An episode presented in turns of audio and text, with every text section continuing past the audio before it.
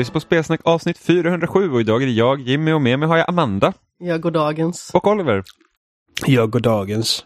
Hallå! God kvällens som jag brukar säga. God kvällens. God, God kvällens. eftermiddag. God kvällens. Ja, men det är eftermiddag nu. Ja, ja, ja. Men eh, när, när någon lyssnar här så är det säkert kväll för någon. Så att jag tänkte att vi täcker alla baser. God kvällens, god God natt. eftermiddag, God kväll, god natt. dag, god eftermiddag. Inte god- godnatt. god- godnatt. Vi kan inte godnatt. säga godnatt, man kan inte säga så här godnatt när någon ska lyssna på spelsnack. Det är kontraproduktivt. Ja, Men det det är är kanske någon som vill lyssna på våra ljuva stämmor när de ska somna. Nej, vi är för intressanta. Man kan inte somna till något sånt. Man bara, oh vad spännande. Vad pratar de om nu? Vissa kan ju ha svårt att somna ändå. Vad menar du nu? Jag menar att det var så varmt i vårt sovrum i natt bara för att du har gått och maxat alla element. Plus att du stal min plats. Så jag Tem- kunde inte somna. Temperaturen var perfekt i natt. Enbart för dig. Det var jättebra, jag slapp frysa. Alla, alla lemmar är kvar när man vaknar på morgonen, inte risk för kallbrand. Jag är mitt vanliga rosa anlete, inte typ svart, blå, som man annars brukar vara. Skägget, inga frostskador där. Kanon! Okej. ja, det var lite, lite stök i morse, för tydligen har jag snott Amandas plats under natten. Jag hade en fjärdedel av sängen. Mhm. Det är en bred säng, en fjärdedel räcker gott. Jag vet inte riktigt om jag håller med. Ja, då har du fel. Jimmy är ju större. Precis. Kanske inte Och- tre fjärdedelar större. men... Och, och äldre och visare. Ja, Fast nu vi, ska vi liksom inte ta det här för långt Jimmy. fast vi vet ju att den, den riktiga täckeskurken är egentligen hunden. Ja, och platsskurken för att hon låg på din plats och du tog min plats. Precis, och vems fel är det här egentligen? Din. Hallå! Det var valpens fel helt och hållet. Eh, Men eh, ja, det har varit en ganska händelserik vecka för spel. Vi Ja. hade, som vi hade årets stora, liksom, vad säger man? Awardshow, vad är det på svenska? Vinstceremoni, prisutdelning. Mm. Men prisutdelning funkar väl? Prisutdelning, ja. så prisutdelning för mig låter så här typ att ja, men nu är Kalle nio år, han liksom får en så här deltagarrosett eller någonting sånt. En gala. Mm. Ja, spelgala, precis. Där, där, där spel och sånt får massa priser som ingen bryr sig om. Det var så kul för att när jag, jag, koll, jag, jag satt ju inte och kollade eftersom av någon anledning så tycker jag att torsdag så här, halv ett, halv två på natten är typ det bästa da, eh, liksom, tiden för såna här grejer. Istället för typ, ja, jag vet inte, fredag kväll. Hallå? Jag vet inte varför de sätter det på en torsdag. De har väl också liksom arbeten att gå till i USA, eller? På en fredag. Eller har det varit någon, eh, är det någon så här helgdag för dem? I Jag vet inte jag riktigt vilken tidszon de befinner Alltså sig i. det, det eh, nu ska vi se. Det var på kvällen i, i Los Angeles, så PST. Det tror Alltså- jag började typ, det var halv två för oss i alla fall. Det är inte Oscarsgalan direkt. Eh, Det, eh, den, det enda som är liksom fancy med Game Awards är hur statyerna ser ut. De, de ser faktiskt rätt fancy ut. Satt du upp och kollade eller? Ja, Såg du hela? ja, Höll du dig vaken? ja. Vad tycker, om året, vad tycker du om årets spel?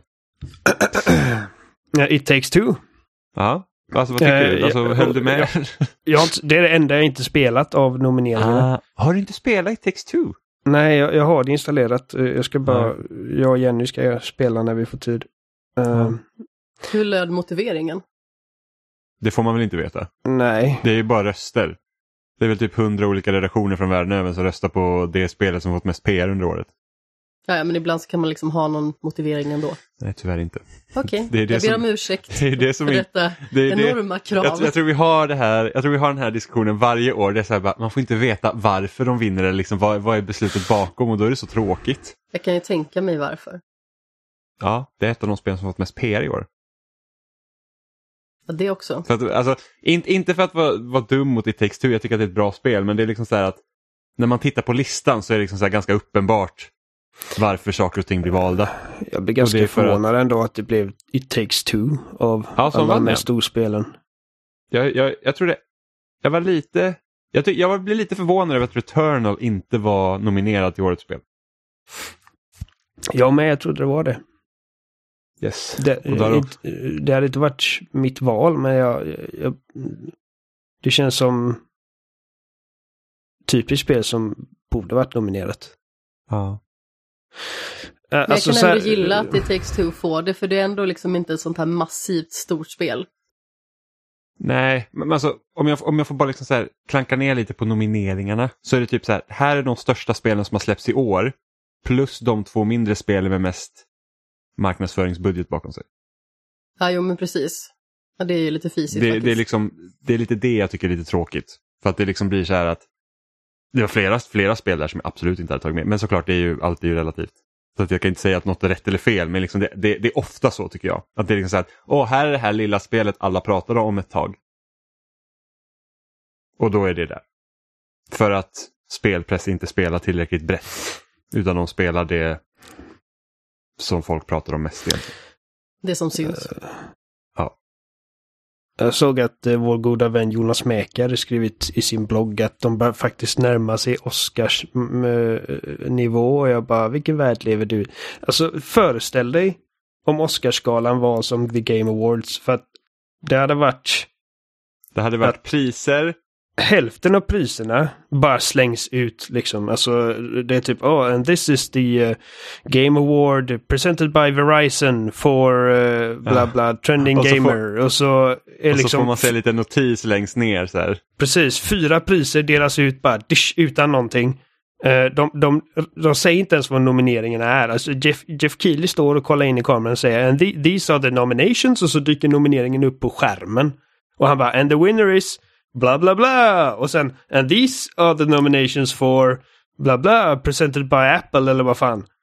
Ja. And the winner is bla bla bla. Och så går den vidare till nästa. Så att det är bara de absolut största priserna som ens får någon form av eh, liksom eh, sentid. Och, ja. och, sen, eh, och sen mellan nomineringar då ska vi se liksom trailers från Disney-biblioteket. precis, så det, eller hur? Och, och alla nomineringar är liksom alla blockbusters som har släppts under året. Ja. Eh, precis. alltså Oscarsgalan är inte perfekt. Alltså det är också liksom branschstyrt. Men de tar det i alla fall på allvar. Liksom. Alltså, eh, för akademin så är, det, så är det allvar med alla, alla Oscarsstatyetter. Liksom, här, det här känns bara, alltså det, det är bara ett liksom reklamjippo. Mm. Ja, är Och, väl, alltså, och inte för att jag det- säger liksom, alltså jag vet att det var en, det är givetvis en big deal för Josef Fares att få liksom present, att få gå upp och ta ett pris för bästa spel i USA liksom med typ miljontals tittare. Alltså det, det, det är inte det att det inte betyder någonting. Det är bara liksom Alltså det, det är liksom ett nödkonvent. Alltså man hade ju hoppats på att när de hypar upp Game Awards liksom veckorna innan att det inte handlar om vilka nya trailers man kommer få se. Utan att vi kommer ha Ja. dem här på plats och vi kommer typ prata om, det liksom, ja, det är liksom, ja Josef Fares kommer hit, liksom. Eller Precis. Hideo Kojima kommer visa upp, eh, liksom, kommer presentera ett spel. Liksom. Vi kommer intervjua den här personen som har gjort det här på det här spelet eller något sånt. Men då ska ju säkert, eh, alltså 70 procent hade ju säkert droppat av och inte tittat. Det är, det, Liksom, som är, det är ju det som är grejen. Alltså för att ju- Alltså hade de inte haft liksom trailers och utannonseringar och grejer och det bara var en ren prisshow. Så hade folk hade inte kollat. Jag hade inte kollat. Jag hade inte suttit uppe till mellan två och fem på morgonen. Uh, för att jag känner liksom att det betyder väldigt lite med hela Game Awards. Alltså det, det betyder ungefär lika mycket som som IGNs Game of the Year eller Gamespots. Eh, det är bara ytterligare en typ outlet.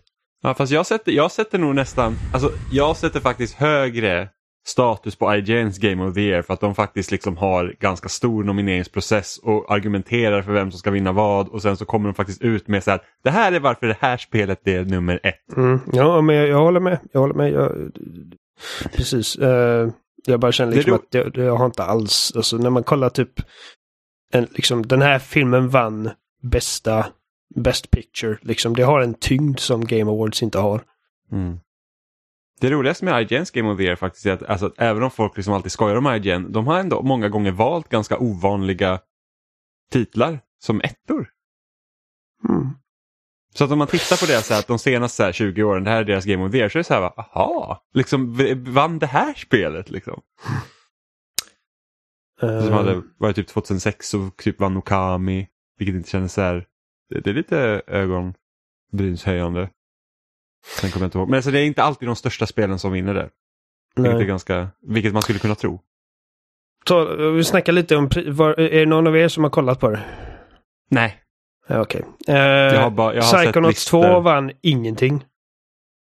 Uh, vilket, alltså jag tycker att Psychonauts 2 är, alltså det hade kunnat vinna liksom Best Vart Art? Direction. Vart var det nominerat då? Eh, Art Direction tror jag. Eh, narrative. Best Ja. Game och säkert någonting mer. Eh, jag vet att eh, Guardians of the Galaxy vann Best Narrative. Ja. Men det kan jag ändå Eh, förstå. Ja, nej, jag är inte, jag, jag är inte, jag missunnar inte dem det, men jag känner ändå att Psychonauts Psychonauts förtjänar någonting, fan det är asbra. Ehm, och uh, Deathloop vann två kategorier, jag tror de vann Best Art Direction. Och någonting mer, jag kommer inte ihåg. Och, och varje gång Deathloop vann någonting så var hela chatten bara det är riggat! Skitspel! Jag bara, alltså ni, folk vet inte vad de pratar om. Jag trodde fan på förhand att Deathloop skulle vinna årets spel. Ja, jag kände också det på mig, men eh, det gjorde det inte. Ehm. ja, nej, men annars, alltså, vad ska man säga? Det är Best performance. Tycker jag, alltså hon som spelar eh, Lady Dimitrescu. Mm. Vilket känns lite weird. Jättedamen. Mm. Ja. Ja, men alltså, alltså, den, den kategorin tycker jag alltid är så himla konstig för att de tar liksom de typ kändaste skådespelarna de kan typ kanske få dit. Många gånger. Det är typ ja, här, men hon, hon är liksom, inte känd. Nej, nej, nej, men karaktären blev det. Jo, precis. Det Liksom, känns som en popularity contest på något Ja, sätt. för om vi nu ska liksom ta bara, alltså, vi kan ta ett exempel här. Halo 4, Dr. Tilson hette hon va? Mm.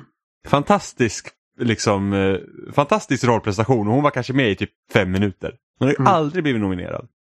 Då hade, typ, då hade ju, då hade ju hellre liksom typ så här röstskådespelaren för Master Chief, som inte jag minns vad han heter nu, blivit nominerad för att han är Master. Chief. Ja, precis. Inte för att han gör ett dåligt jobb, men liksom så här, det är ändå Master Chief. Han är i trä. Uh, Giancarlo Esposito var nominerad. Eh, för Far Cry. Jag har inte spelat Far Cry, men jag vet att han är bra. Alltså han är jävligt bra. Det är allt jag sett honom i, så att... Det är ju någonting. eh, det var någon från Life is Strange. Ja, jag tror hon som hade huvudrollen där va? Det är möjligt, ja. Ehm, Och vad är det hon heter nu igen? Uh, ska se. Game Award Winners.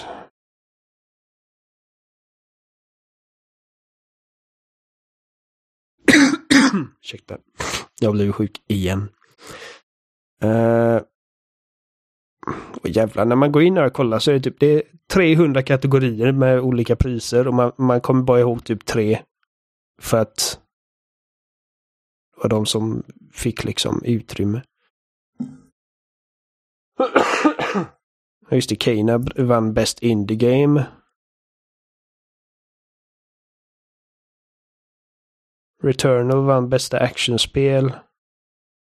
Metroid Dread bästa action adventure. Tales of Arise bästa RPG. Uh, eh, Age of Empires 4 bästa strategi. Most anticipated game Elden Ring igen. Players Choice vann Halo Infinite. Jag måste bara göra en inflikning att Erika Mori heter hon som eh, spelar Alec Chen i eh, Life is Strange True Colors. Det är Ja. hennes första videospel som hon är med i. Eller någonting som hon röstsätter överhuvudtaget. Jaha, vad har hon gjort tidigare? Nej, men så det var hennes första överhuvudtaget. Jaha, okej. Alltså kan typ en ung person kanske? Eller? Nej men alltså jag har för mig att hon hade ett eh, helt annat jobb och sen så eh, Ja, tyckte hon bara- att det var liksom var roligt med eh, skådespeleri så hon tog några klasser. Och sedan så var det någon som tipsade henne om att hon skulle söka den här audition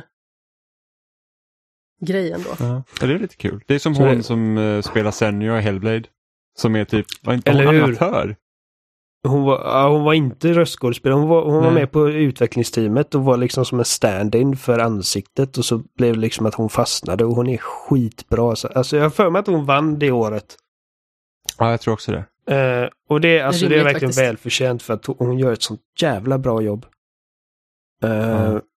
Men det var som sagt Erika Mori och Giancarlo Esposito, Maggie Robertson som Lady Dimitrescu. eh, Jason Kelly som Colt i Deathloop och jag kommer inte, jag kommer uttala det här fel men Osi, Osioma Akaga som Juliana Blake i Deathloop.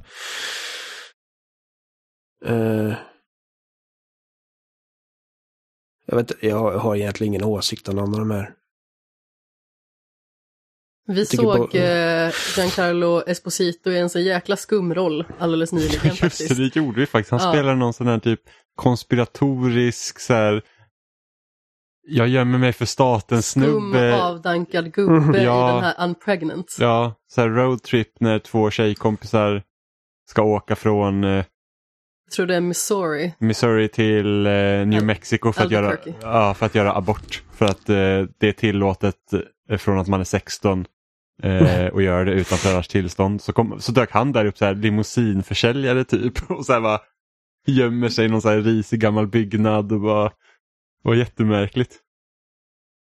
Bob. Missouri. Ja, mm, ja det var... Det var Eh, Men, eh, ja, men de visade upp en del spel också. I vanlig ordning. Så var det där någonting som fångade era blickar om man säger så? Wake 2. Eh, det var väl typ Det- den grejen som jag bara, åh, nice. Men eh, alltså, kände du så här, åh nice för Alan Wake 2? Ja, men definitivt. Fan, jag, jag vill ta en uppföljare på det i alltså, 11 år. Eh, även om liksom jag, eh, när man har spelat om det nu så liksom håller inte lika bra längre. Men alltså jag, jag gillar den storyn och jag tror att Remedy är liksom i en väldigt bra position till att göra någonting spännande. De har sagt att det är liksom medans de, jag vet att Sam Lake pratade väldigt mycket, för de säger väldigt lite om det just nu, men han, med det han gick in på mer i detalj, även i, med, i en intervju med Ryan McCaffrey på IGN, eh, var att eh, de inte riktigt gifte gameplayet i första spelet med berättelsen. Som att liksom berättelsen var liksom den här typ skräckberättelsen. Eh, och gameplayet var mer liksom typ som ett actionspel i skogen och alltså liksom att det, det kunde vi ha gjort, gjort bättre. Så den här gången så är liksom vårt mål att gifta både gameplay och eh, narrativ på ett mycket bättre sätt. Och det är därför de har gjort det till ett rent skräckspel den här gången. Han, de poängterar det liksom jättehårt att det här är inte ett actionspel som första spelet var, utan detta är ett survival horror-spel. Mm. Eh. Ja, det, det gör ju mig lite mer pepp att jag, jag tycker att första spelet liksom, spelmässigt, alltså jag var inte speciellt förtjust i det då. Mm, nej. Nej, alltså spelmekaniken gjorde mig så sur så att jag var inte ens rädd. Nej, nej men det det är... nej, inte ens Amanda är rädd liksom. Ja. För att Däremot då- höll jag på att lägga en liten aprikos av trailern. Ja, Amanda blir rädd av, av Ja. Alan Wake 2 Det tror jag. var en Ja, det jump scare klart. i slutet. Ja. Men eh, men för att, för att de, de experimenterade betydligt mera i expansionerna till Alan Wake än vad de Mm. gjorde i huvudspelet. Liksom det här med att du har lampan och liksom leker med orden och hur det liksom flyger runt på skärmen och väldigt mycket mer abstrakt. Eh, så att det funkade liksom. Det gjorde ju det mer spännande där än vad det var i huvudspelet. Men eh, Och Sam Ja, pratar också om det, liksom att alltså, fördelen med att inte ha fått göra den här uppföljaren på, på tio år. Även om de har ju velat, de har haft prototyper och för några år sedan så kom det faktiskt ut liksom på nätet så man kunde se det liksom deras prototyp för tvåan. Och det såg mer ut som liksom ettan ungefär. ja. Eh, Men alltså fördelen med att vi inte har fått chansen att göra det på tio år är att vi har fått tänka på det här i tio år och liksom vi känner liksom att vi är på en, på en punkt nu, liksom att vi har haft det här i våra, våra hjärnor så länge. Och liksom, han sa att även när vi kollar på liksom arbete som vi hade gjort på tvåan som inte blev av, så är det att nej, vi kan göra mycket bättre än det här. Liksom. Eh, så att Ja. han sa liksom lite som en blessing in disguise att det inte blev av då. Utan att det är nu när de har en mycket bättre vision för vad de vill göra med det. Ja, men Så alltså, det det- är ett väldigt sunt förhållningssätt för det är otroligt lätt att bara kasta ur sig någonting. Ja, eh, Men det märks liksom att Sam Lake är väldigt förtjust i liksom karaktären och världen och berättelsen. Uh, för han liksom sagt, jag vet att jag, jag, bara för skojs skull så gick jag tillbaka och kollade en intervju med honom inför Quantum Break av Game Informer och de sa liksom, kommer vi någonsin få se Alan Wake 2? Han bara ja. liksom. mm. Han har velat göra detta hur många år som helst. mm. Ja, men det att, låter äh... bra med, med ett survival horror-spel för att mm. alltså, jag känner väl överlag så här typ att när man har, när, alltså nu är det inte lika vanligt att det finns shooters som spel som det fanns för typ tio år sedan.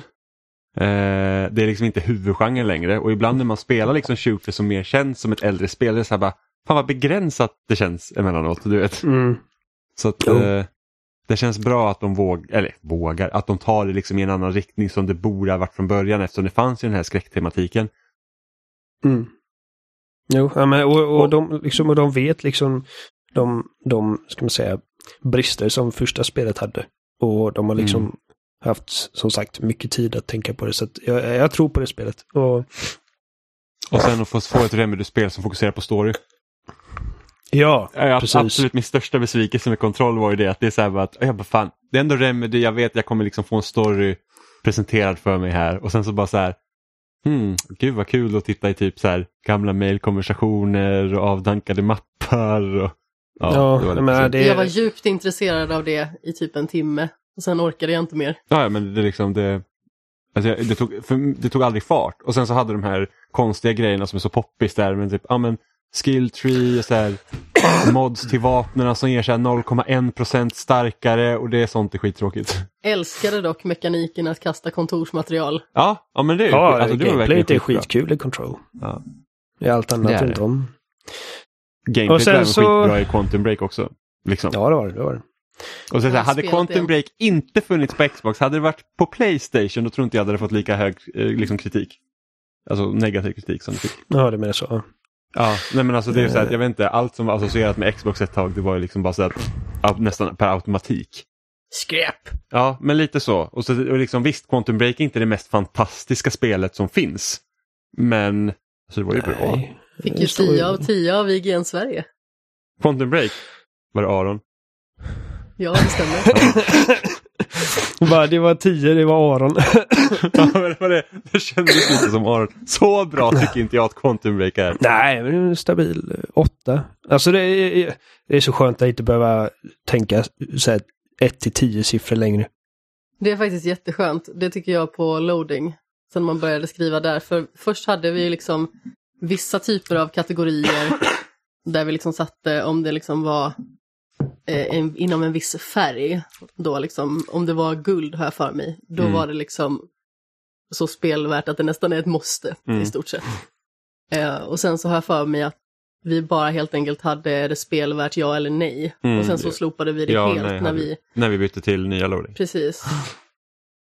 Så det är väldigt skönt för att jag kan kolla tillbaka på vissa så betyg och ändå känna att, nej, var det verkligen värt ett så högt betyg? Alltså att jag själv har gett höga betyg för att det är jättesvårt att ge betyg. Mm. Men då får man nästan tänka sig där och då, ja. Sen så när man lägger distans till spelet då är det så att ja, men, nu har man liksom smält det lite. Så. Ja, ja, men jag, jag har massa betyg som jag hade ändrat i efterhand. Det, texterna tycker jag fortfarande reflekterar vad jag kände. Men, men just sifferbetygen är knepiga. Som ja, Gears, alltså, Gears 4 lurigt. hade jag inte satt en åtta på idag. Nej, där var jag fan negativ alltså. jag, jag, jag, eh. Det fick ett ja dock, men eh, det var ju bara för att jag gillar multiplayer. Men alltså kampanjen mm. tycker jag verkligen är usch. Nej, men det som är så lurigt är liksom att en sån siffra, den kan ändra sig från dag till dag. Mm. Ja, precis, det är ingen vetenskap direkt liksom.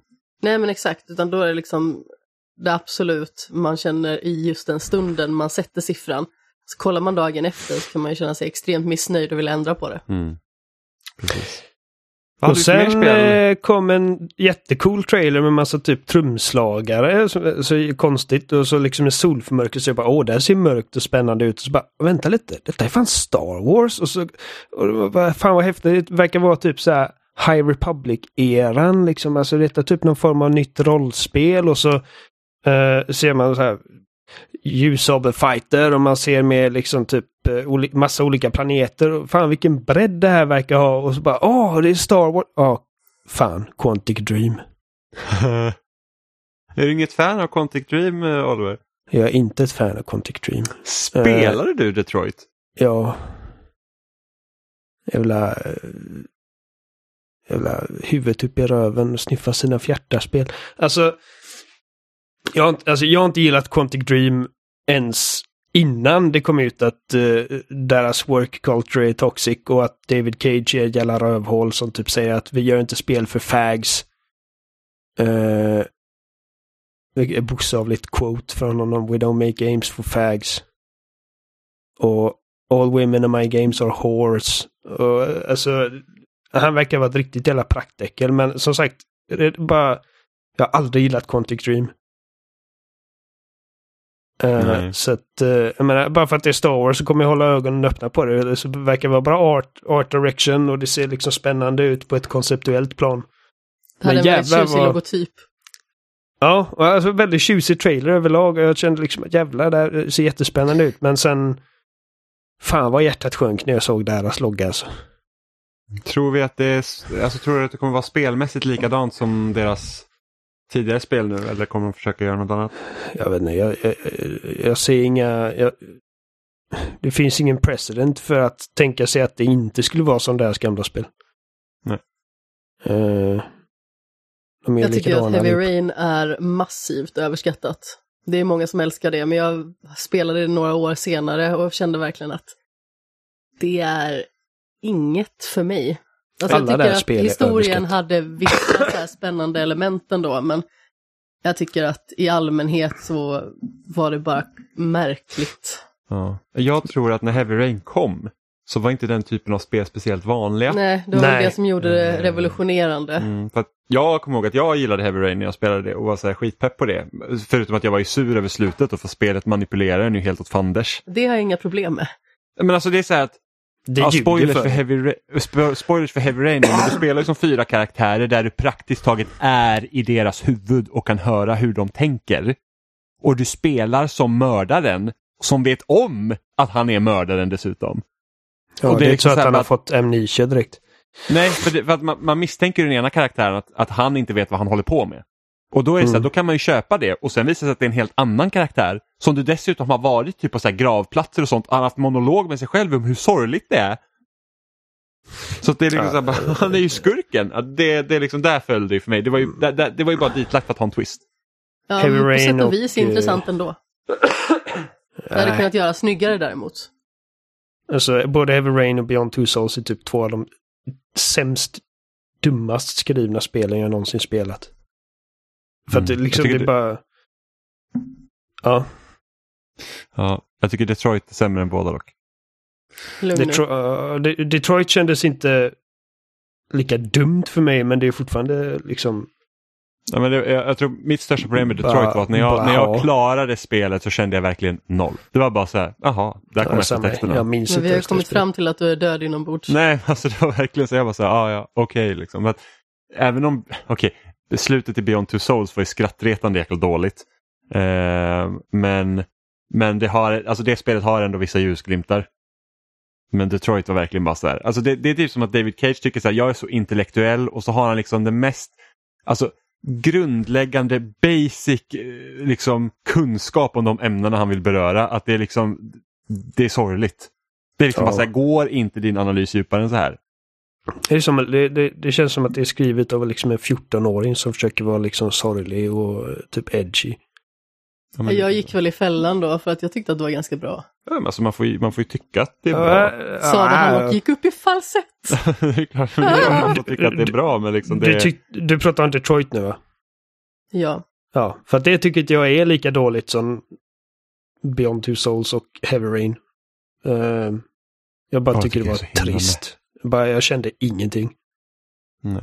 Minns ingenting. Eh, Eh, nästa grej Jag kom- Eh, jag kommer ihåg, jag bara, den här ena liksom androiden som hade typ Martin Luther Kings eh, tal på torget. det är väl typ det. men alltså, de, du menar han som är med i Grey's Anatomy? Ja, precis. de tror att de är så jävla subtila med det subject matter. och Att bara, åh, kolla det här är callbacks, det här är his- historien som upprepar sig själv. Och det är så jävla, de slår en över huvudet med alla dessa jävla... Nej, det är, det är skrattretande. Mm. Jag kan ju min Grey's Anatomy nu när eh, Ja, jag fick höra en viss dialog typ sju nätter i rad. Ja, nya, säsong, ny, Jimmys ny, iPad. nya säsongen har ju börjat, jag måste börja titta på det igen. Den serien höra om borde hur dött för typ tio besviken år han sedan. var på någon Ja men, ny det, kille och att han kallade ungen för hair hair och vad grejen var. ja men det kan jag väl hålla med om att den har liksom kanske spelat ut sin... Alltså för att det, det, det är så smärtsamt när man tittar på typ första säsongen och bara säger wow, fan vad bra det är och så tittar man på senaste avsnittet och man bara säger uh, vad hände? Det är så jag har känt hela tiden. Ja, nej, men alltså, de första, alltså de första tre säsongerna är verkligen topp. Alltså de är verkligen bra.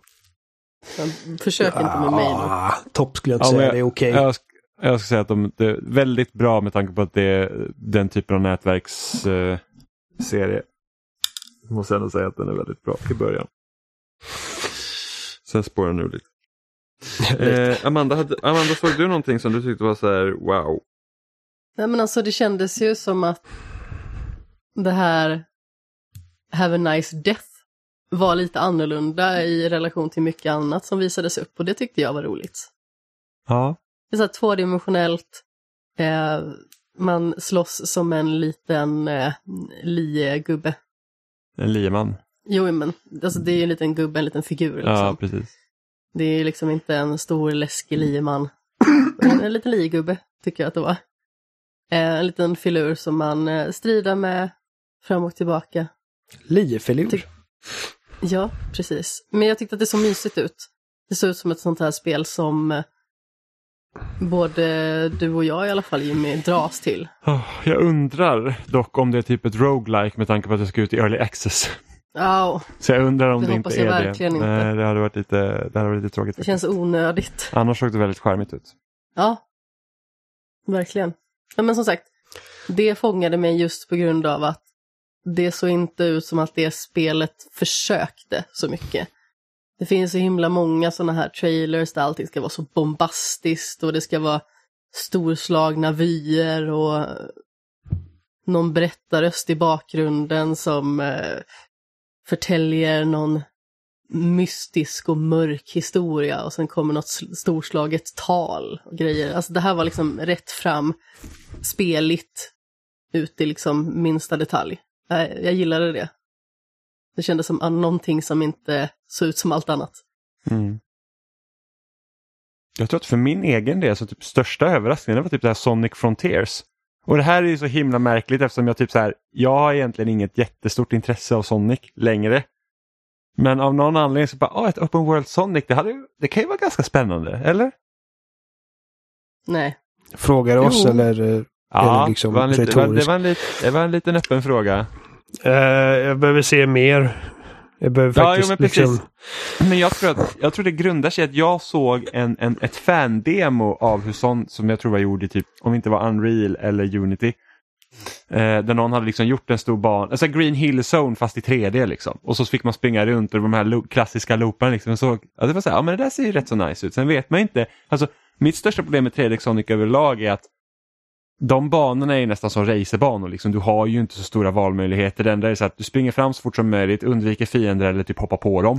Men liksom, du har inte någon större kontroll egentligen. Och jag undrar om, en, en, liksom en, om de lyckas i en öppen karta att bara säga att ja, men, nu får du själv liksom välja hur du ska ta dig till den här punkten för dit behöver du gå. Och så får man liksom använda sig då av liksom miljöerna för att ja, men, plattforma sig upp någonstans. Lite som jag hade önskat att Mirror's Edge Catalyst var, Catalyst var det här med att man säger att ja, men jag får hitta effektivaste vägen själv och sen så visar det sig att de bara så här, de bara föste in en i en massa flaskhalsar istället.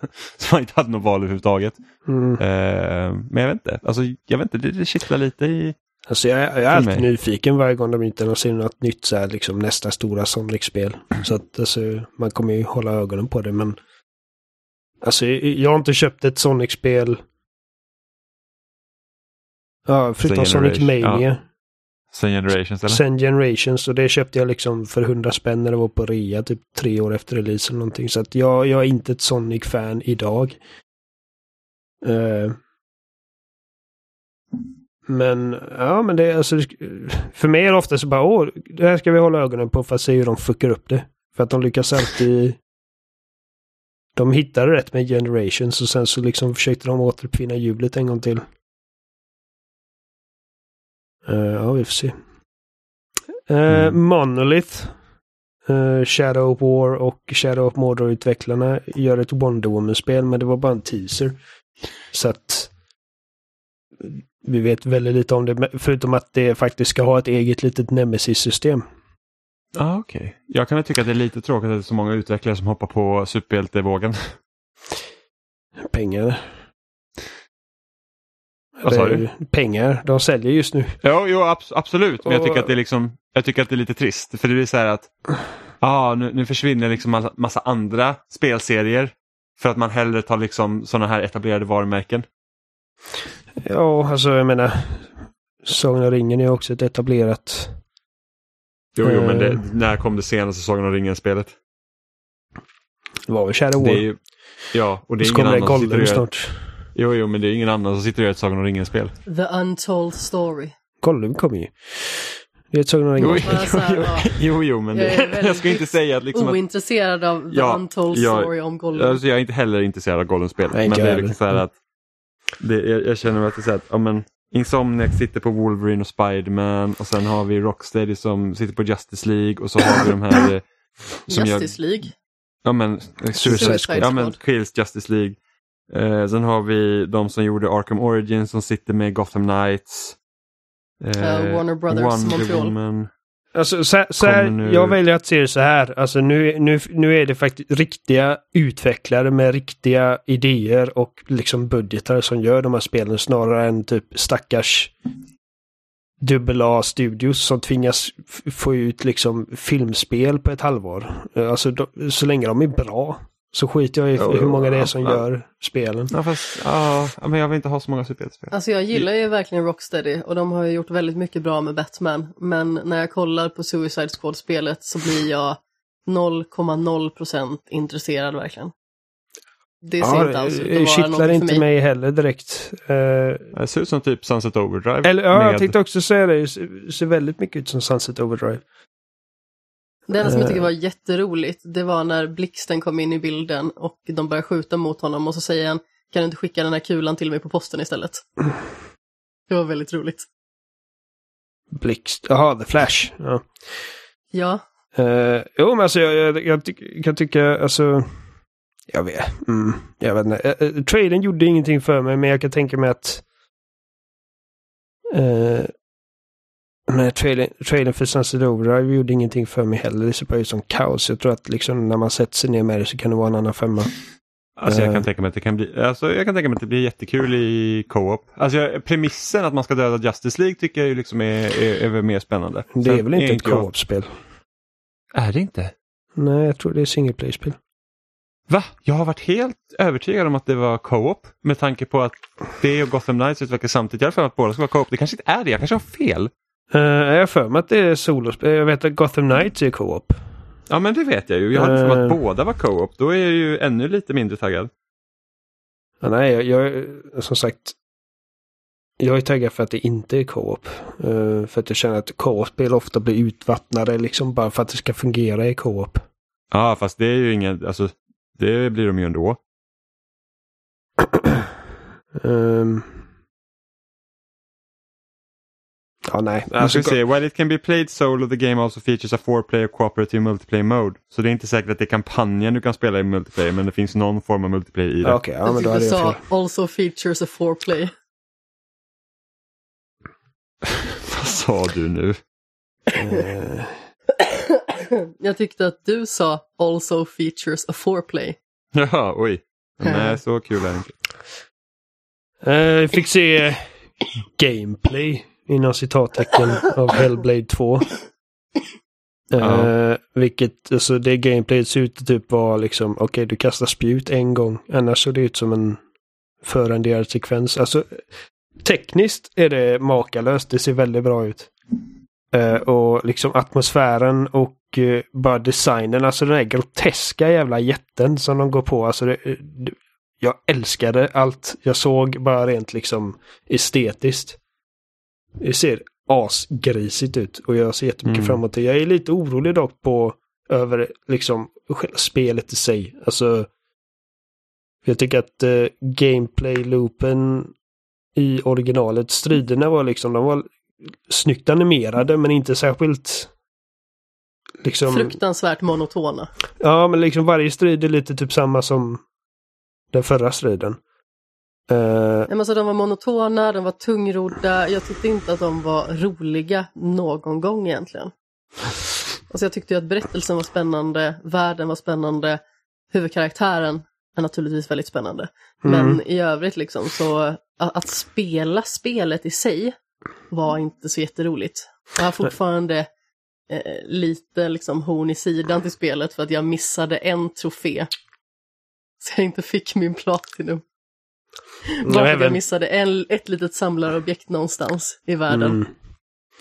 Men även pussellösningen är ganska, alltså, eh, liksom det följer samma mall. Det är ungefär som The Witness, att det är ett pussel som sen blir mer komplicerat genom spelets gång.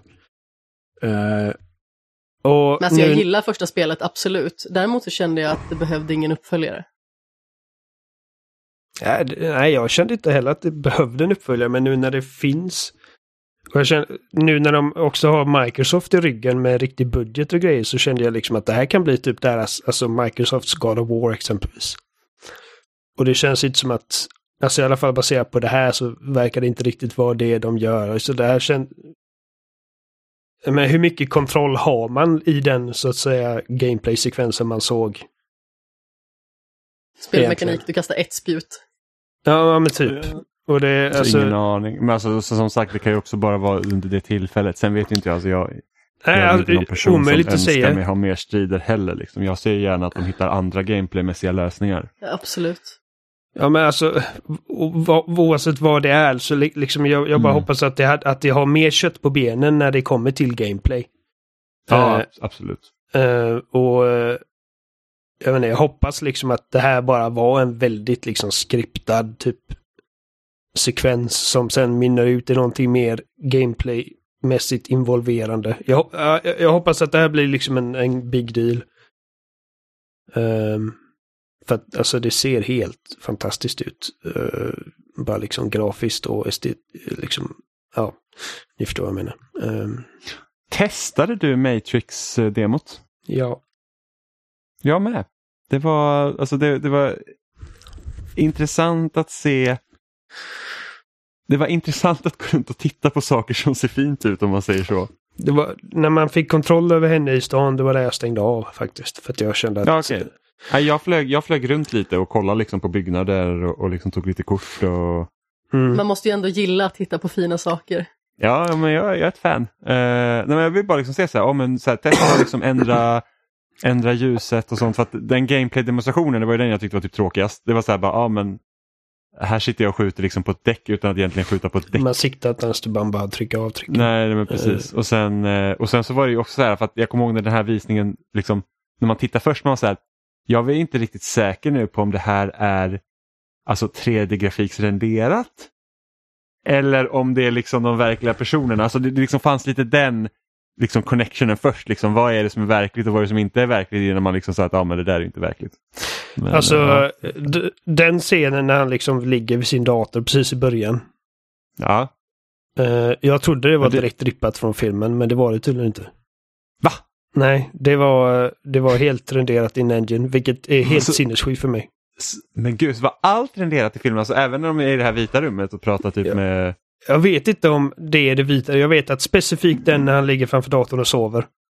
Som jag Ja. trodde var liksom direkt från filmen. Det är sjukt. Det är sjukt ja. Ehm, Men så här, jag har väl väldigt lite intresse för typ teknikdemos för att det är bara åh, kolla vad den här motorn kan göra men liksom okej. Ja, Ja, men det, är, det- det är imponerande det- men Ja men det är dit vi är på väg. Alltså Next Gen har ju egentligen inte börjat riktigt än. nej. Liksom, men, all, eh, allt är uppskjutet på grund av Corona. Så liksom, att man har ju fortfarande, alltså det här Sonic-spelet till exempel ska släppas på PS4 och Xbox One. Och det kommer liksom höst, alltså det kommer till julhandeln 2022. det är liksom, där kan man liksom säga att Mm. det är liksom, allt har ju försenats typ två år. Så, att, så att det är väl lite dit, det är åt det hållet det går. Så får man ju se då, nu har ju alla börjat vänja sig med att kunna typ spela alla spel i 60 FPS. Så Ja. frågan, när, när, när kommer vi komma till den punkten där liksom bilduppdateringen sänks igen för att vi ska se att det ser snyggt ut? Precis, Ja, jag vet inte. Det är alltså, för mig handlar det om att okej, visa mig ett spel som ser så här bra ut. Liksom ett riktigt spel. Där liksom hårdvaran tvingas rendera upp detta liksom på ett mycket mer liksom dynamiskt sätt snarare än liksom en förrenderad skjutsekvens. Ja. För att det med Unreal används ju i filmskapande. Det, det, Unreal Engine de, eh, liksom renderar miljöerna och grejer i The Mandalorian. Ja, Ehm, ja, men precis. Så att eh, liksom... Jag förvånades inte av att de kan liksom rendera väldigt snygga miljöer och liksom nästan fotorealistiska människor. Även om man tydligt ser att det är liksom datorrenderade människor oftast. Mm. Jag tror att eh, det som eh, sålde illusionen för mig där när han låg och sov är att han inte tittar. Liksom man ser inte hans ögon. Nej, men precis. Men ja. Hade ni något mer som ni var sugna på som ni såg? Eller? eh, Jag vet ju att du var ju väldigt eh, begeistrad i Forspoken när vi såg det första gången. Är det fortfarande någonting du känner att du är liksom pepp på? Jag? Ja, Var jag begeistrad? Alltså jag, jag tyckte att det Jajamensan, såg du bara- spännande ut. precis. Eh, ja, alltså det, den trailern tillade ingenting för mig så. Alltså jag tycker fortfarande att det ser lite spännande ut.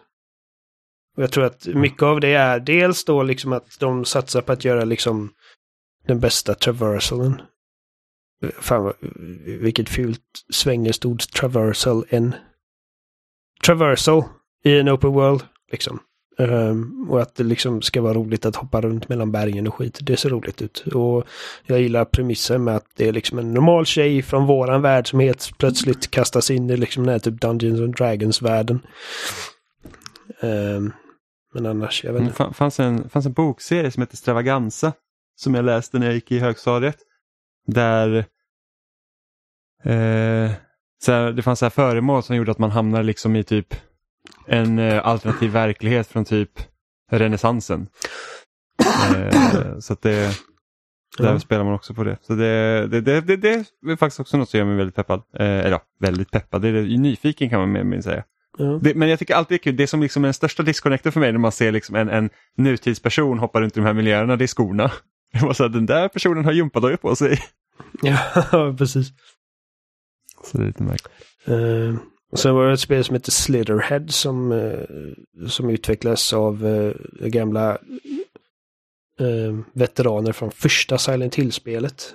Eh, Så eh, Mm. det håller man ögonen på. Alltså det, jag fick så otroliga, eh, och vad heter den serien som kom också, typ 2014? Skräck, finns två spel. Eh, Serie Evil Within. Ja, precis. Fick väldiga Mm. Evil Within-vibbar. Det, var inte, Mm. det, det kändes inte riktigt som att de liksom spann vidare på det här skräcktemat. Det var typ så här, ja men det här ser lite äckligt ut. Sen bara, nu visar vi monstren fullt ut och så kör vi någon jäkla rocklåt i bakgrunden. Och man var så här, Ja, precis. Ja, ska jag ska bli rädd av det där liksom? Det, ja, men visst, det kan man ju ha ögonen öppna. Ja, annars så, jag tror vi har täckt det mest spännande känner jag. Eh, Ja. Tror jag också. Det blir lite typ tv och filmtrailer för vi ser Sonic 2. Ja, Med Idris Elbas eh, son, eh, Knuckles. Knuckles. Ja, och Cuphead ser så jävla bra ut. Ja, Cup, Cuphead ser kul ut, men det är också så här med Cuphead. Jag vet. Eh, det, är, alltså, jag, jag kan fortfarande bara slås av liksom, alltså det här är typ det snyggaste jag sett. Ja, men Både väl- till hur det ser ut och hur det låter. Liksom så här gammal, typ... eh, ja, nej, det, de hade ett, eh, de hade ett eh, liksom uppträdande typ tre sångerskor. Som gjorde sån här old-timey... Ja, okej, okej. Ja, jag, jag, bara, jag såg bara trailern i mitt Twitterflöde. Mm. Ja, men nej, det var Video Game Awards. Ett år kvar tills vi kan igen gnälla om hur prisutdelningarna sker. Ja, För det lär är ju inte ändras. Tradition. Ja, precis. Eh, men eh, vi har ju spelat lite i veckan också. Spelat mest Halo. Ja, i vanlig ordning. Har, har du, eh, är du klar med Halo Infinite, Oliver? Nej. Hur långt har du kommit? Eh, ja, vad säger man? Jag har ingen koll på vilket uppdrag jag är på längre. Vad jag gjorde typ- du senast? Jag har rört mig. Eh, jag håller på och letar upp de här code sequensen.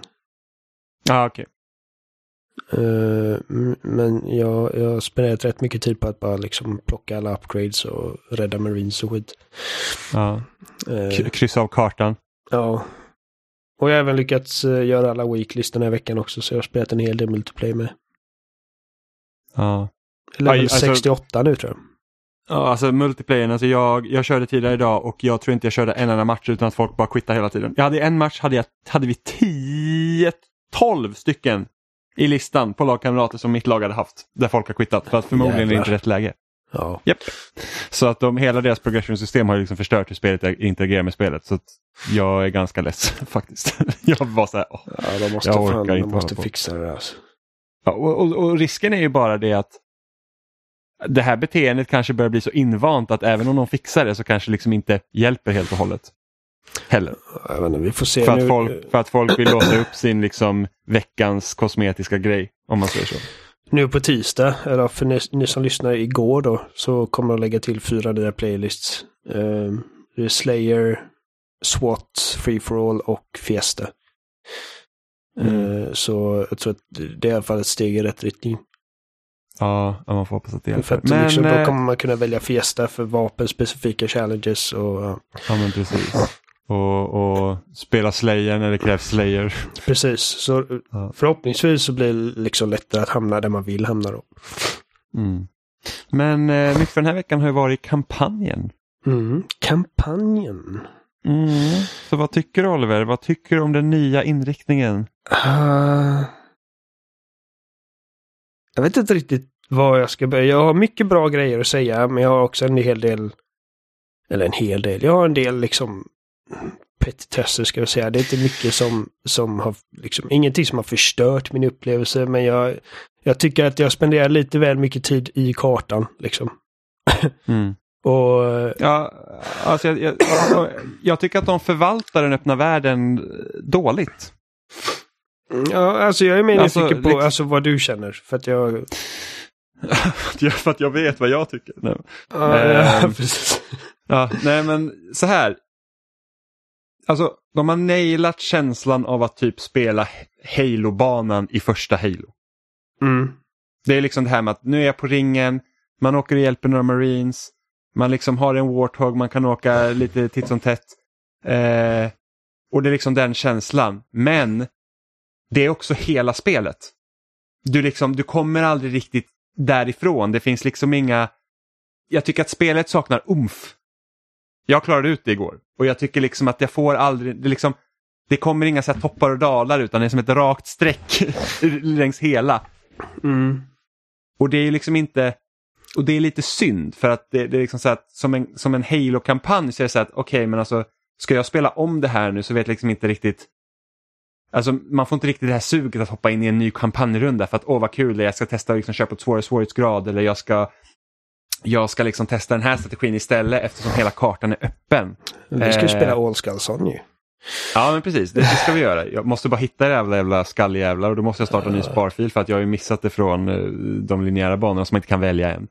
Eh, men just det här att jag tror största problemet för mig med den öppna världen är att du, du snabbt liksom hamnar i, i, i en situation där du ränner fram och tillbaka. Du, du ledsagas inte igenom den egentligen. Eh, Mm. Utan det är så att här har du kartan, gör vad du vill. Och sen så liksom så här att ja, då springer man fram och tillbaka. Och liksom bara så här, nu ska vi hit och nu ska vi hit. Och det blir liksom inte så här att Alltså om man jämför till exempel, alltså på det sättet det som ett Assassin's Creed. Liksom. Där är det också så här, nu har du hela kartan öppen, gör vad du vill.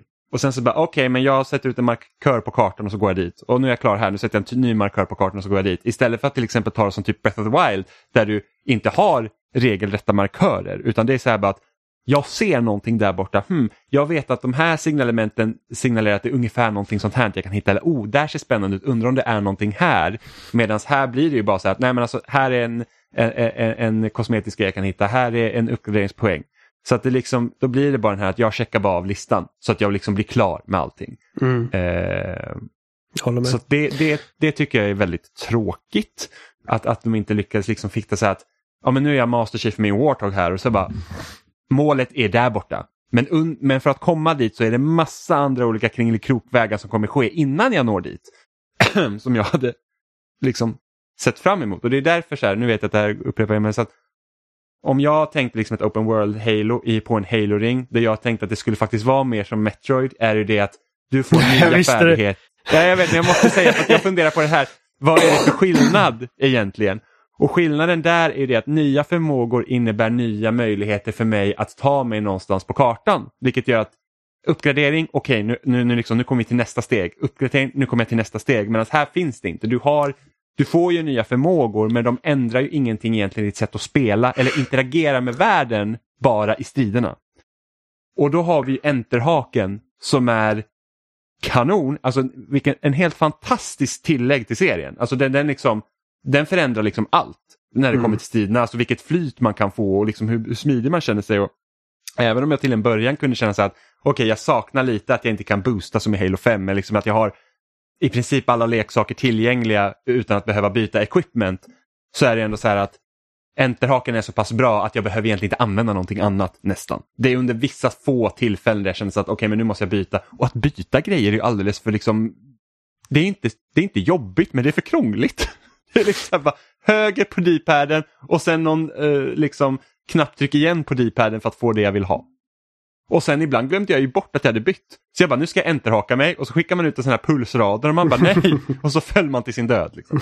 Eh, så att jag hade önskat att kontrollschemat skulle vara lite smidigare att byta. Jag funderar på om det bästa inte hade varit bara att liksom att när du trycker höger så byter du equipment och så bläddrar man igenom dem. Ja, eller typ eh. hade man kunnat fixa liksom så här, om jag håller in LB till exempel, då får man upp ett hjul där jag kan välja. Eh, och trycker en gång så skjuter man iväg det man har valt. Ja, ja jag vet inte. Eh, alltså jag, jag eh. håller med i princip om allting.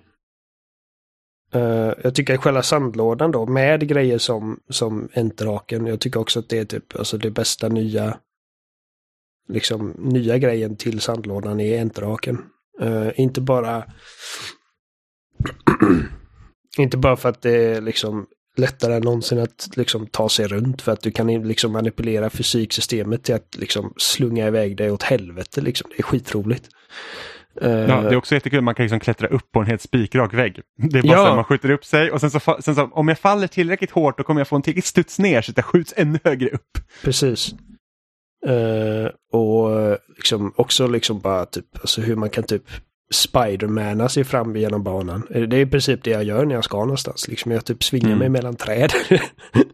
ja. uh, och även typ hur man liksom lätt kan uh, entraka sig till fienders banshees och ghosts och grejer. Alltså man känner sig alltså liksom frigjord på något sätt i det här spelet. Mm. Ja, men det känns också som man kan liksom så staka ut en plan för sig själv. Liksom så att man kan agera på, på striden när den händer och känna sig bara shit det här händer nu. Vad kan jag göra för att komma ur situationen eller vända den till min fördel? Och så gör man det och så klarar man det. Mm. Liksom det här bara det att man kan plocka upp de här fusion coilsen och slänga iväg dem liksom är ju alltså det är också en sån här jättebra tillägg för att det är jätteanvändbart. Mm. Och just det att man kan också enterhaka liksom grejer och ta dem till sig är också skitbra. Jag fick en, för att det är en boss som heter Bassus tror jag. Eller någonting. En stor, ja. stor jävla grej med hammare. Eh, i ett ganska ja, tight område. Uh, och jag fick en sån jävla bra kill på honom för att jag liksom typ kämpat mot honom i tre minuter. Det låter inte så mycket men alltså jag hade dött några gånger. ja, kör du på heroic? Uh, ja det är jag. med. Uh, och det känns precis lagom. Men jag fick en sån fantastisk jävla kill för att jag liksom hade, jag hade gjort slut på alla mina granater och alla, alla min ammo. Uh, och jag ser liksom, han har inte mycket liv kvar. Men jag, jag ser honom liksom, alltså han hoppar mot mig med hammaren liksom höjd över huvudet liksom. Jag bara, alltså nu kommer jag dö. Men precis i det ögonblicket så lyckas jag liksom se en skewer på andra sidan rummet. Så jag entrakar den till mig och skjuter honom i luften och får en kill på honom. Det var vackert som fan.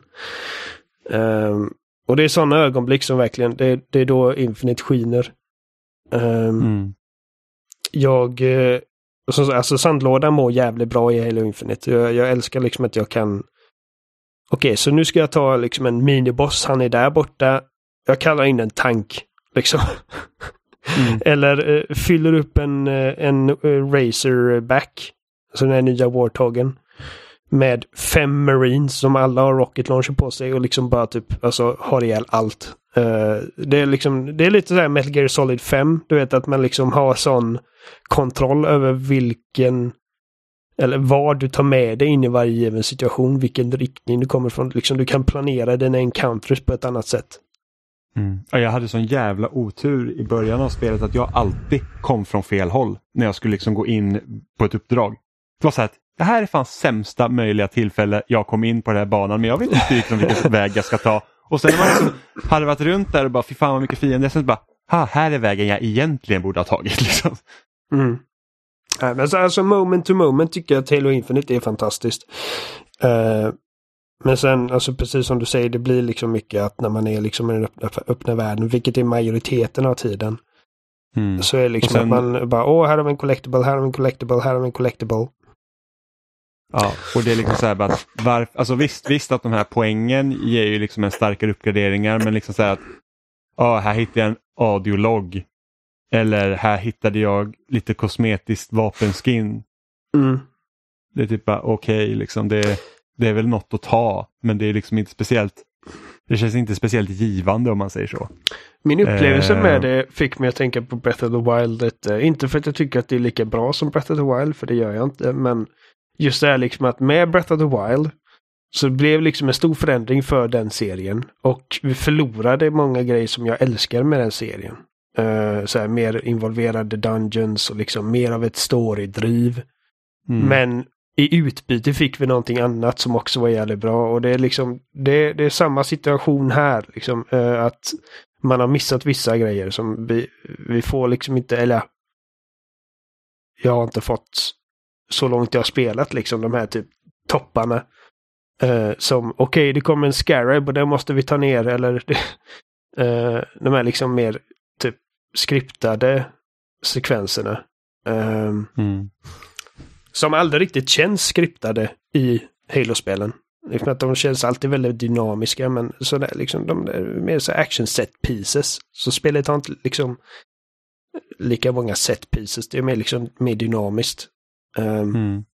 Så att det, vi har förlorat lite men vi har vunnit lite och uh, jag känner mig ändå bekväm med att säga att det är 343s bästa kampanj. Um, hittills. Alltså jag vet inte, jag är väldigt kluven för att jag tycker ju fyrans upplägg många gånger fungerar bättre. Men det är så att fyran har också sämre fiender och betydligt sämre AI. För det känner jag väl, det är väl ändå största lyftet de har gjort här på, på ett rent tekniskt plan. Det är ju det att fienderna eh, liksom är farligare och smartare. Liksom om, det, om jag får bort skölden på någon, då, den springer och gömmer sig och, och liksom helst tar den hjälp. Så att man ibland liksom springer efter någon jäkla bru, superbrut liksom bara så här, men fan kom tillbaka nu liksom. Mm. uh, så det känner jag ju liksom är bra. Men, men, som sagt jag saknar lite det här att man liksom nu jäklar händer det grejer utan det liksom, det liksom ebbar ut mer. Alltså det är svårt för mig att säga exakt hur jag känner mm. över kampanjen som sådan tills jag är klar. För att jag känner att det är må fortfarande många frågor jag liksom inte har fått besvarade rent storymässigt liksom med Cortana. Mm, jag, och jag ska inte spoila. Eh. Nej, men eh, liksom det, det hänger lite på det också. Liksom. Alltså jag, jag vill att storyn ska ha lite mer att säga än vad den har just nu.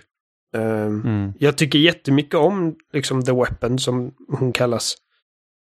Uh, ja, men precis. För att hon är alltså som en übercharmig och liksom ung och optimistisk Cortana. Uh, och det är liksom... Det är bara skönt att ha liksom Jen Taylors röst i skallen igen efter femman. Mm. Uh, och även The Pilot tycker jag om.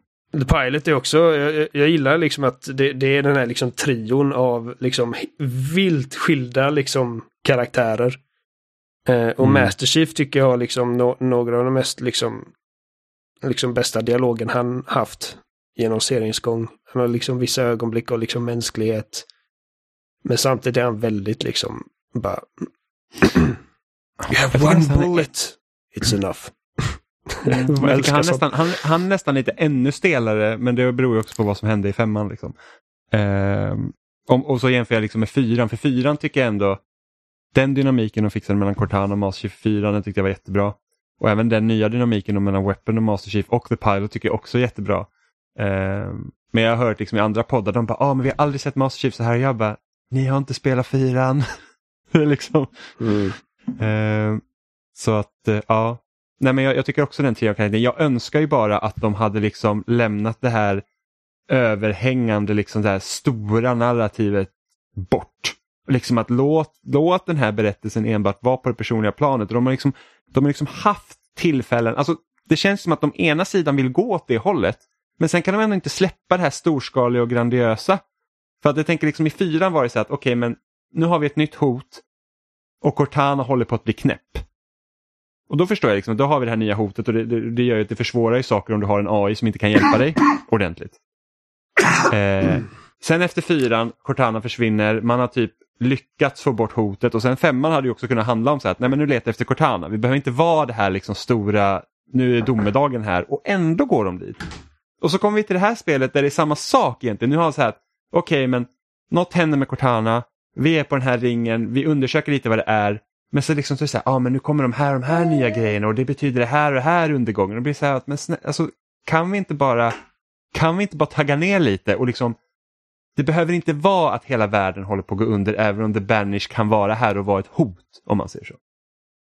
Ja, det, det, är också mycket intressanta grejer som har hänt när den här storyn börjar som man inte riktigt får liksom ta del av. Uh, Nej. För att, uh, alltså, som sagt, jag, jag vill veta liksom exakt vad som har hänt med Cortana. Mm. Uh, och hela den biten. Och man får reda på liksom att man möter The Weapon som man såg i trailern. Liksom att ja, jag, typ vi raderar Cortana men jag är kvar och vi vet inte liksom. Och det är så här ett mysteriet. Som jag inte riktigt har koll på just nu. Um, mm. Så de, liksom när de kom... Eller vi ska nog inte prata om det. Kanske inte kanske folk som inte har kommit så långt. Mm. Um, ja, men, men precis, det, det finns många trådar från Halo 5 som hänger löst väldigt länge i spelet. Mm. Och de, de få och gånger det... som de faktiskt börjar prata lite mer om Cortana uh, och vad som har hänt så tycker jag att det, det är väldigt spännande liksom. Men det är korta ögonblick och de är över snabbt liksom. Uh, mm. Och en grej som jag alltid älskade, liksom bara en scen som fastnade med mig som fan i fyran är när Cortana säger typ att Eh, de kommer liksom para ihop det med en ny AI, kanske till och med någon liksom en ny Cortana-modell. Eh, men det kommer inte vara jag, du förstår det va? Och jag tyckte bara att det var liksom så... Vi har liksom en, ett program i princip som brottas med att liksom jag är döende, jag kommer försvinna. Men jag vill inte att den här personen liksom jag vill att den här personen ska liksom inse att jag är borta. Jag vill att han ska sakna mig i princip. Mm. Um, och de, de gör liksom en callback till den repliken uh, ganska tidigt i spelet. Som, som, en sorts liksom flashback, it won't be me liksom. Och mm. här har vi nu liksom en ny Cortana-modell. Och jag liksom som spelare känner mig trygg och bekväm. Det är ungefär som att ha Cortana tillbaka liksom. Men jag hoppas att de gör mer med det konceptet liksom. Mm. Men, men, jag måste ändå säga att jag gillar ju verkligen väldigt mycket hur för att om man, om man tänker tillbaka till Cortana i första spelet, liksom, hon kändes väldigt mycket så att, ja men militär AI, liksom, att mm. rätt fram, vi gör uppdraget, heter Cortana. Sen har vi här har vi en jättestor kontrast, för du har The Weapon, har inget namn, är väldigt specifikt, det här är vad du är gjord för, liksom. Ja. Och är supersocial. liksom att det här ja, är jätteframåt och liksom peppigt. och liksom bara, åh, ja, vackert och mycket man kan lära sig här. Ja, och det är en ganska bra tycker jag liksom så här för att Master Chief brottas ju också med om att hmm, min, min förra AI-kompanjon blev typ supermördaren liksom. Mm. Nummer ett. Ja, och han, och han, har gjort det tydligt att han klandrar sig själv för den här skiten de har hamnat i. Mm. Och det är liksom så att, okej okay, men liksom det här, oavsett hur charmig den här AI är så är det egentligen bara ett objekt. Liksom. Mm. Så det, det, det, tyckte jag var ganska spännande faktiskt. Ja, de har intressanta koncept och, och idéer. Mm. Eh. Jag önskar bara att de liksom skulle kunna skala tillbaks på liksom den här övergripande Halo-låren som krävs att du har typ läst alla jäkla böcker för att kunna hänga med till 100% på. Och liksom bara säga att låt bara karaktärerna stå i centrum, var bekväm med det. Och skapa konflikten utifrån det och liksom vi behöver inte ha ett nytt hot som är liksom ska ta över universum, punkt. Det är vad jag önskar. Alltså det är vad jag skulle vilja se egentligen. För att då, då, skulle, då skulle de kunna blomma ännu mera. För de, de sitter på någonting här. Precis som typ God of War 2018. Det är liksom så här, okej okay, nu har vi Kratos och vi har Atreus. De ska gå liksom och sprida askan av, av, av Atreus mamma och Kratos döda fru. Det handlar inte om att liksom rensa hela jäkla nordiska mytologins gudar. Nej. Även om de dyker upp. Så att eh, jag hade önskat att de vågade gå den vägen. Och sen hade kunnat få önska också att de inte hade typ bortsatt hela den här trilogin av spel där typ oj, vi har planerat och lagt upp för det här. Oj, nu kommer ett nytt spel, nu måste vi göra om en massa. Oj, nu kommer ett nytt spel, nu måste vi göra om en massa igen. Så att det är jättesvårt att hänga med också. Frågan är hur mycket ja. de har faktiskt planerat med den här trilogin annat än att de bara har planerat att det ska vara en trilogi. Liksom, alltså, tror de, alltså nu är det, med Halo 5 så sa de att de inte planerar en trilogi längre. Nej. Utan att det, det var med fyran och så trilogin för det var egentligen tanken var att, alltså, nu kommer jag inte ihåg vad huvudskurken heter i fyran. Didact. Men han, ja, men han var ju inte död egentligen. Han skulle ju komma tillbaks till femman innan de gjorde om det. Mm.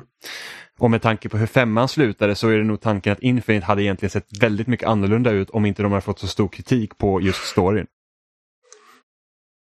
Ja, det... Så att, att det är lite det här Star Wars-dilemmat. Liksom, så att, oh, här har vi tre Star Wars-filmer där alla tre har gjort något helt olika och så, så kommer sista, nu, nu, inte, nu säger inte jag att Halo Infinite är Rise of Skywalker. Nej, det, det, det, liksom, det är inte mycket som är så kast, men liksom så att fan vad det hade varit mycket bättre om det här hade hängt ihop bättre. Mm. Alltså jag, jag, saknar inte Forerunner-fienderna. Inte jag heller. Uh, och, uh, jag tyckte ju aldrig om dem. Och jag vet att uh, det är många fans som hoppas på att uh, The Flood ska återvända med det här spelet. De har inte gjort det för mig ännu, så, men jag, jag, så jag vet inte ifall de kommer. eller om typ det slutar med typ ja, oh, här är en, for, liksom en Flood-spår. mm. Vi får se hur det går. Uh, Vad tycker du om att spelet har så mycket bossar? Uh, ja, Adam pratade, han, han blev jättesur på mig för att jag sa att jag tycker bossarna är rätt kul. För det tycker inte han. ah, han skrev till mig bara uh, Alla som har gett det 10 av 10 är fan dumma i huvudet. De har typ sämsta bossarna någonsin. Jag bara, jag Nej, jag skulle väl inte säga att det är det sämsta boss. Jag tycker att alla Halo-spel med en boss tidigare som inte då typ är en Scarab är sämre. Ja, jo men jag håller med. Men, uh, och jag bara, alltså de är inte fantastiska att... liksom. De är ganska... Jag tycker inte de är så svåra heller. Så ofta är det få ner skölden så en headshot typ. Uh, och alla bossstrider, vissa har varit lite frustrerande men alltså... Så jag sa bara, jag vet inte, jag tycker det är rätt kul. Och han bara, hur fan kan du tycka om DLC5 om du tycker Eschery med Halo Infinite är kul? Jag bara, men jag har inte mött honom än. Blir lite sur på mig. Han bara, men säg inte att jag är kass då. Och jag bara, jag sa inte att du är kass. Jag bara sa att jag har, jag har roligt med bossarna. Det behöver inte betyda att jag är bättre på bossarna än jag... Uh, har, Adam klarat, har Adam kommit till sista bossen? Uh, han skrev till mig nu att han har klarat kampanjen så jag antar det. Ja okej. Okay. Ja, jag har satt fast på sista bossen i typ en och en halv timme. Oj. Ja. Tror jag. Och det var så här bara att... För att den inkorporerade typ så här. Det här är liksom absolut den värsta grejen en fiende kan göra. Det var typ så här, bara, jag hatar det här. Vadå, bli odödlig? Nej, nej okej. Okay. Inte, det är inte en hjälp. Typ eller? Typ att, åh nu har jag en sköld så nu kan inte du göra någonting. Ja, fan det har den ju också. Ja, okay, liksom, ja. fast det är inte så farligt. Det är liksom inte som att den har typ supersköld och sen så typ kan den döda dig medan den har sin supersköld. Uh, men det, det är liksom, den var bara störig och det var bara så här att fan, men, men man får checkpoints efter varje fas. Liksom, så det, mm. Eller man kan få checkpoints i, i eh, i striden så att säga. Jag känner att Halo eh. Infinite tillåter mig liksom att när jag hamnar, oavsett om det är en boss eller liksom någonting annat där det är svårt, att det är liksom en så pass liksom, uh, ska man säga,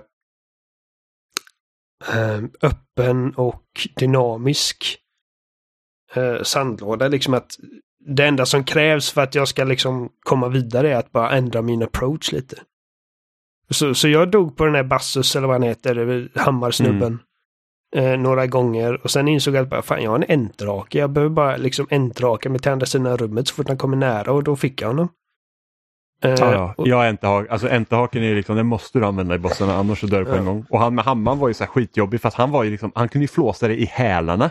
Även fast du enterhakade dig runt. Mm. Ja, men liksom, eh, och, det var entraken som liksom bara, det var liksom den saknade pusselbiten i den fighten för mig liksom. Mm. Och det, även det var en miniboss som var i en Wraith.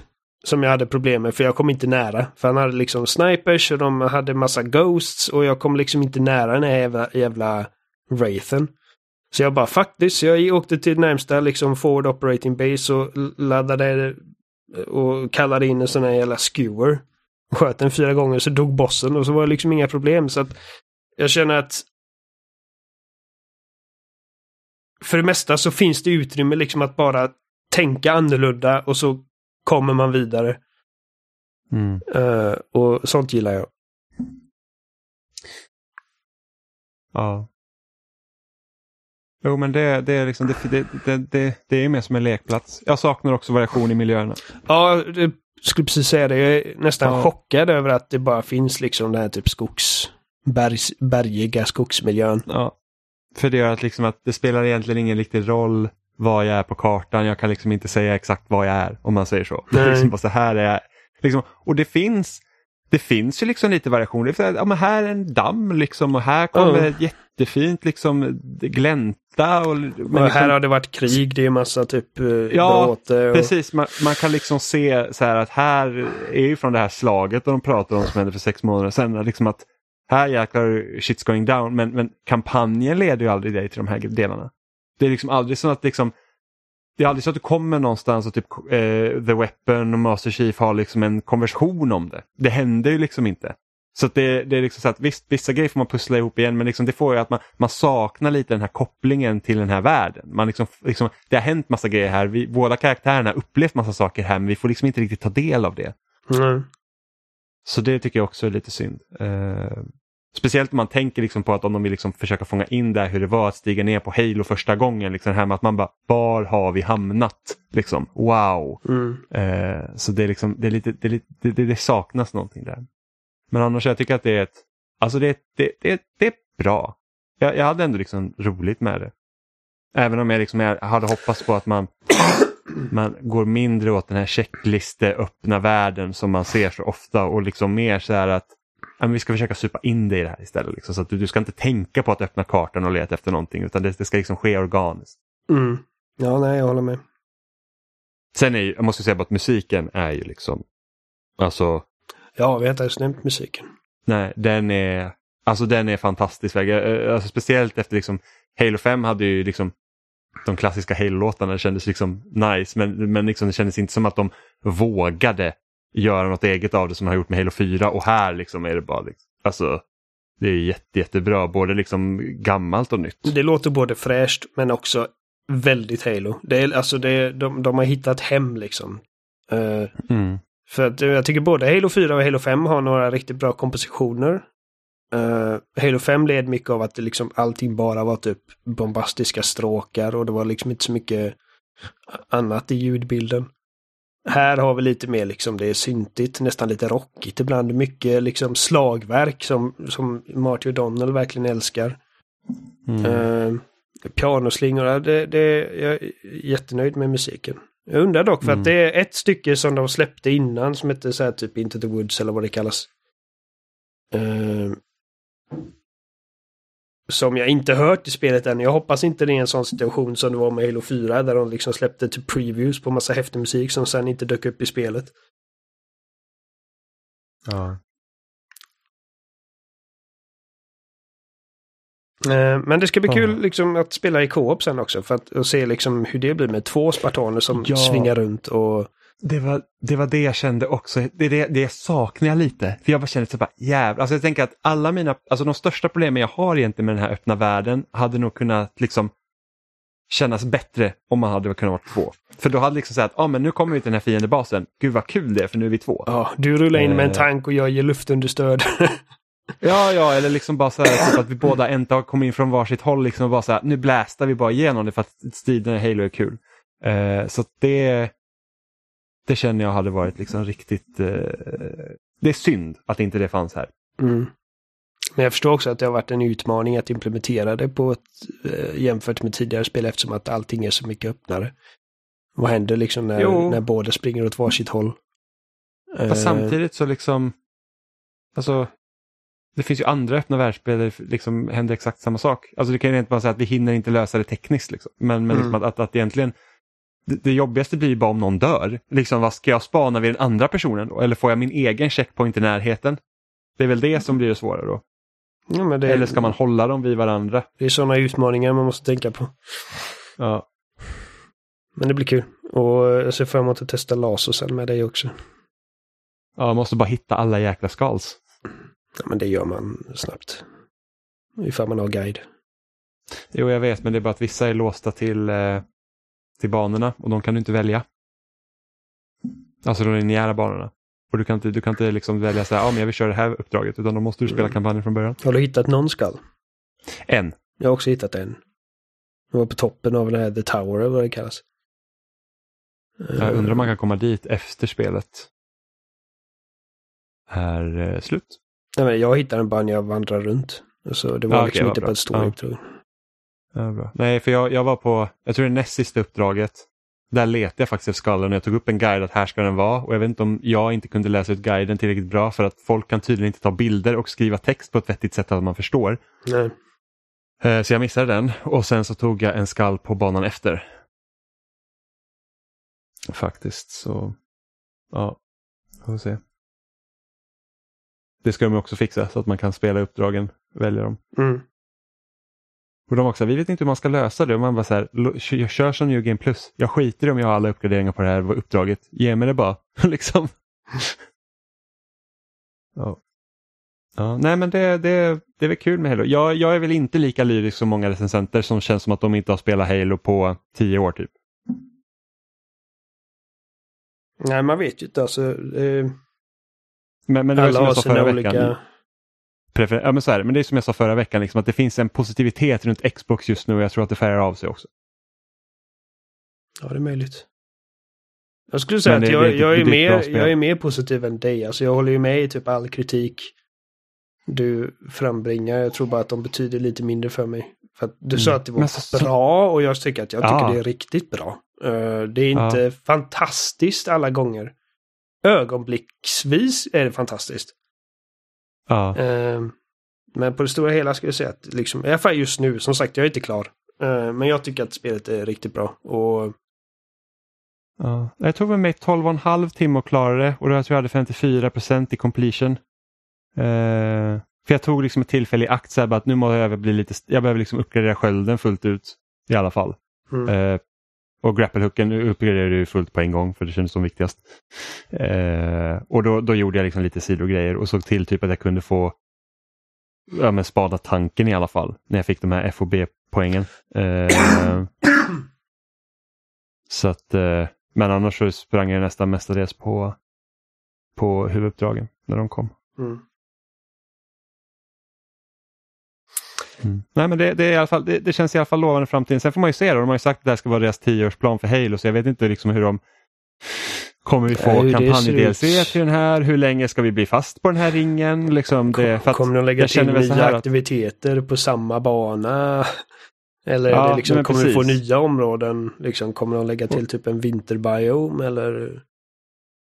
Ja, men det är liksom så här att, och jag känner väl typ så att när jag är klar med spelet, jag bara så att hur mycket mer tid ska jag spendera på den här ringen i framtida stories liksom? Eh, Mm. jag kan ju mer se liksom att, att multiplayer för Halo Infinite är på en tioårsplan och sen kanske de gör som Call of Duty att när nästa Halo kommer så är det liksom Halo någonting och sen kommer Infinity eller Infinite multiplayer med. Som i Warzone. Ja, det är möjligt. För att det är liksom så att, ja, men så här, säg att vi får en så här jättest... Alltså ett, jag vill inte vänta tio år innan vi får nästa liksom Halo-kampanj. Nej, precis. Eh, och, och jag vill liksom inte vara fast på den här ringen i tio år. Om man säger så heller. Så att, eh, ja, vi får se. ja, Eh, men det var väl allt vi hade för den här gången egentligen. Ja. Hade inte jag spelat någonting alls? Oj, förlåt! Vad har du spelat Amanda? Alltså det var inte egentligen så jätteviktigt, men jag kände mig lite bortglömd faktiskt. Vad har du spelat Amanda? Men alltså jag har ju fortsatt att spela Guardians naturligtvis. Och eh, har faktiskt väldigt roligt med det. Det känns som att jag har kommit igång med spelandet ordentligt och att eh, jag börjar komma in i flytet igen.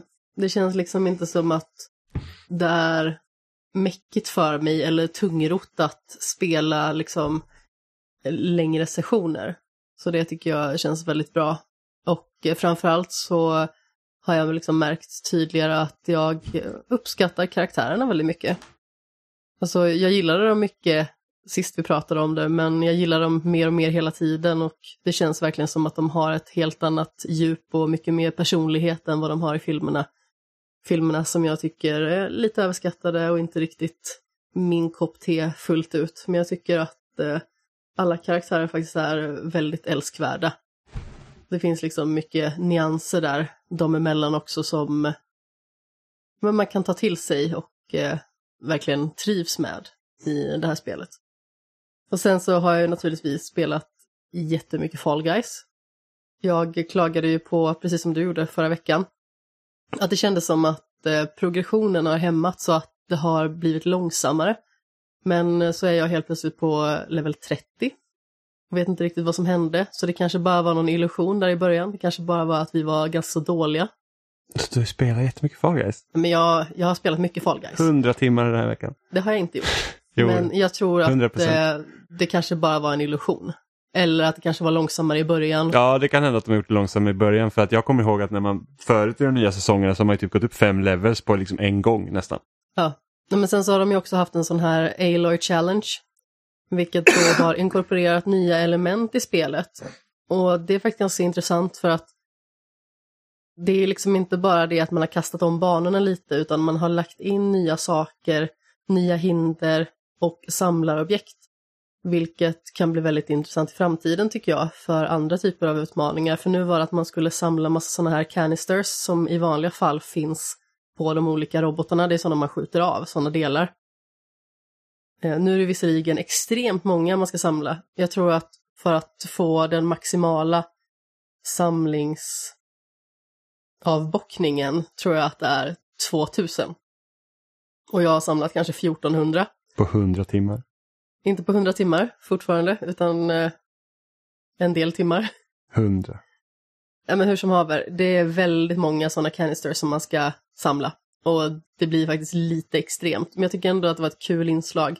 Sen så har de också de här små pingvinerna, eller Pegwin som de heter egentligen, som man ska springa med genom banan. Då finns det liksom en utmaning där man ska ha den en viss tid och sen så finns det när man ska springa hela banan igenom. Och sen har de också satt ut de här noshörningarna som man fick i eh, djungelsäsongen. Då har de liksom satt på dem ett skal så att de då ska se ut lite som de gör i Horizon Zero Dawn med liksom robotdelar och sådär. Eh, kan vara väldigt irriterande. Ja, jag har kört typ fyra matcher jag typ kom inte vidare. Noshörningarna är faktiskt inte speciellt skoj. jag kom men, inte eh, vidare från typ första banan på typ fyra av fem matcher för att jävla noshörningen puttade bak mig. Ja, jag hade väldigt tur en gång att det var en som sköt över mig så jag behövde inte ens springa igenom en port på DoorDash. Men det jag gillar det är liksom att man ser att de har något form av nytt tänk, att det liksom inte bara är ja, men vi ska skapa banor. Utan att de har en tanke om att ja, men man kan göra så här med den här banan. Nu har de liksom en grupp banor som de har med i den här utmaningen. Och då kommer alltid de banorna. Inte i samma följd och det är inte alltid alla banor som är med. Men det är liksom en selektion av banor som kommer att finnas. Så det är liksom utvalda banor som de har gjort om, till exempel The Whirly Gig, DoorDash, Slime Climb och så vidare. Så det har jag ägnat mig åt den här veckan, så nu kan vi avsluta. Efter dina 100 timmar Fall Guys. Ja, efter era hundra timmar prat om Halo. Halo är så bra. Inte Infinite, men något annat. Nej, jag skojar bara. Infinite visst bra. Oj, oj, näpen. Eh, ja, men det var allt vi hade den här veckan. Så att eh, vill ni lyssna på oss så eh, logga in på spelsnack.com. Eller logga in. Man kan logga in. Jag tror man faktiskt kan ha ett konto på spelsnack.com, men det behöver ni inte ha. Men ni kan kolla där så hittar ni alla våra nya avsnitt eller på er favoritpodcastapp eller loading.se. Följ oss på sociala medier på Twitter eller Instagram och Facebook. Eh, och så får ni inte missa att på lördag den 18 december så kommer vi ha en liten stream från klockan 12 till klockan 10 på kvällen. Eh, där vi kommer spela igenom lite spel från, Tio spel för att vara exakt. ja, från Eller vi kommer inte spela igenom dem, men vi kommer spela Jo olika segment. Amanda har lovat nu att vi ska spela igenom 10 spel på 10 timmar. Det blir kul speedrun. Vi är bättre än vi är bättre än de här på... Vi har Eh, med Games Stefan som ska han spela det här Cyber Shadow. Ja men precis, vi sätter, vi sätter bara Stefan på att spela alla spel så blir det, så, så blir det tio spel på tio timmar. Men eh, ja, det var allt för den här veckan så hörs vi igen eh, på lördag. Säger vi hej då. Hej då!